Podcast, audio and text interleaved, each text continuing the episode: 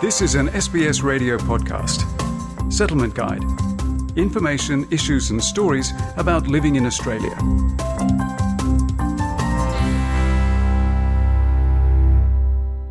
SBS acknowledges the traditional custodians of country and their connections and continuous care for the skies, lands, and waterways across Australia.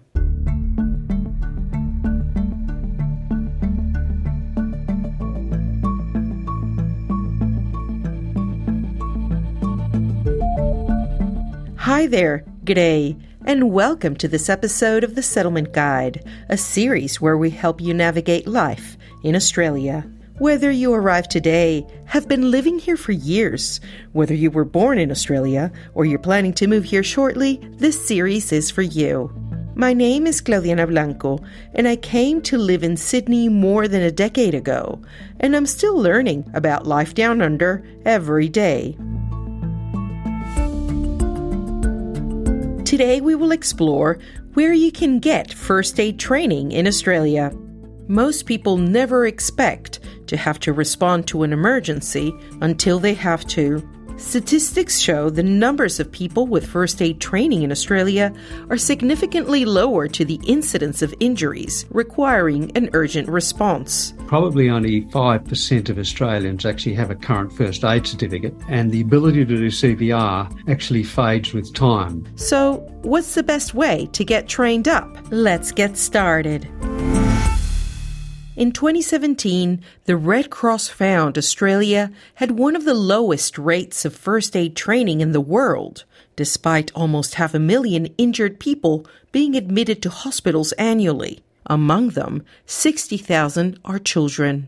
Estimates by the Royal Life Saving Society suggest that, on average, 20 Australians die from heart attacks every day. It also found 60% of injuries requiring first aid treatment occur at home.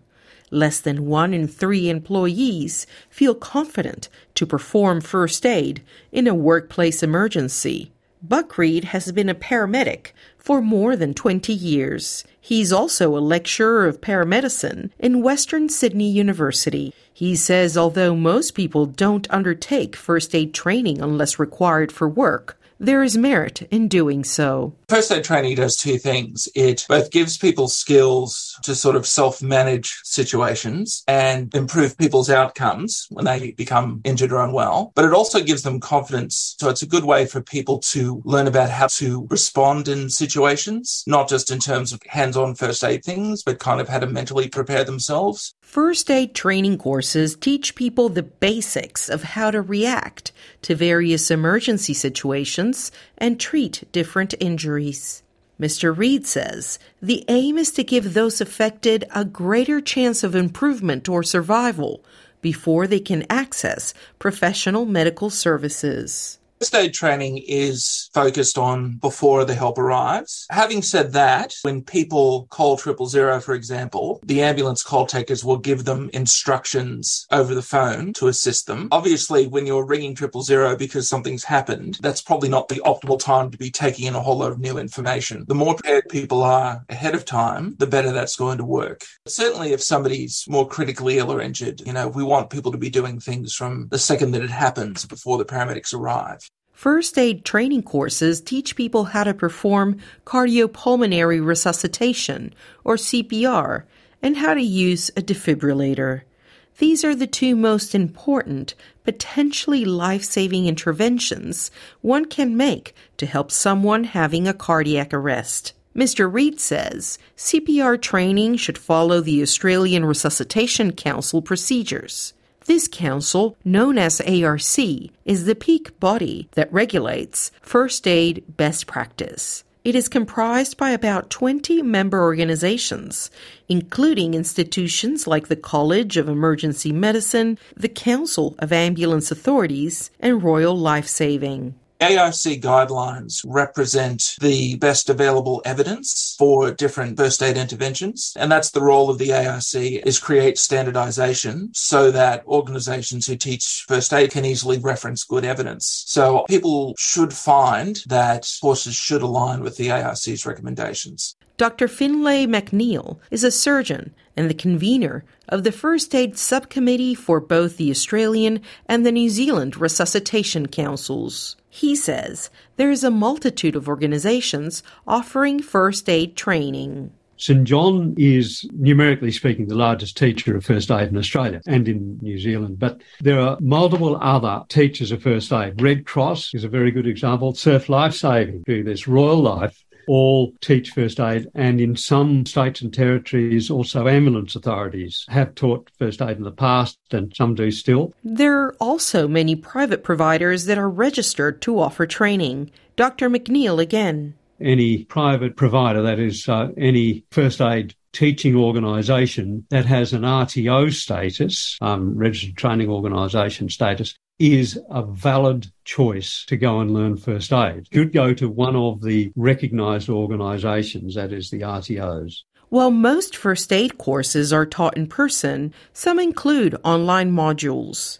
Deb Lowe works as the First Aid Regional Area Lead for the Red Cross in Brisbane. She says mixed course delivery options help cater to different learning needs. The benefits to having a blended online component is that it allows you to do this at your time and your own pace, which is important for different kinds of learners who may need a little bit more time to reflect, to absorb the information, and also allows to go back and reread and revisit some of that information. And we also, with the online learning component, have the functionality for closed captioning, so that can allow the online component to also be translated over into uh, a multitude of different languages.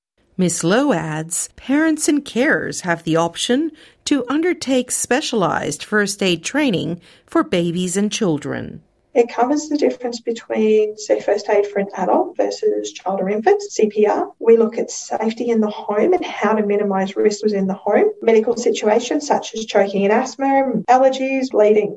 The whole idea behind this course is giving us those tools to feel safe and confident in the decisions that we make and to know that there are other resources or assistance if they need, such as nurse on call. In Australia, first aid qualifications should be renewed every three years, and refresher training in CPR is recommended every 12 months. Dr. McNeil explains training is really important for CPR. It really does help to have been trained in this. And unfortunately, at the moment, probably only 5% of Australians actually have a current first aid certificate. And the ability to do CPR actually fades with time since you last used it.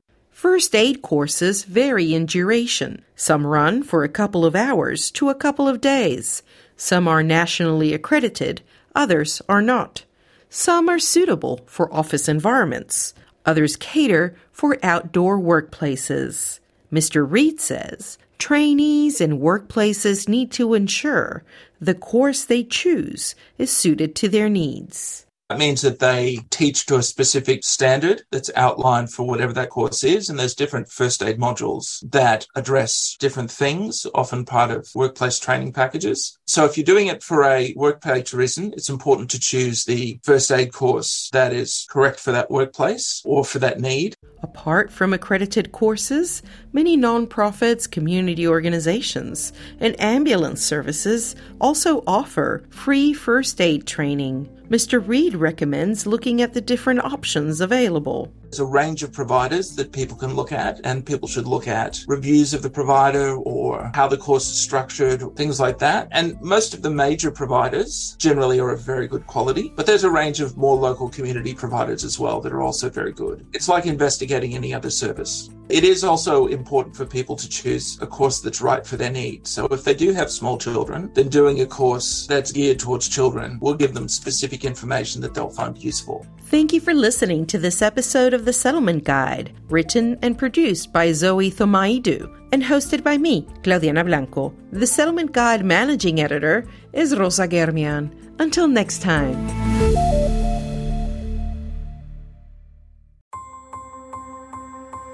This was an SBS radio podcast. For more settlement guide stories, visit sbs.com.au slash radio.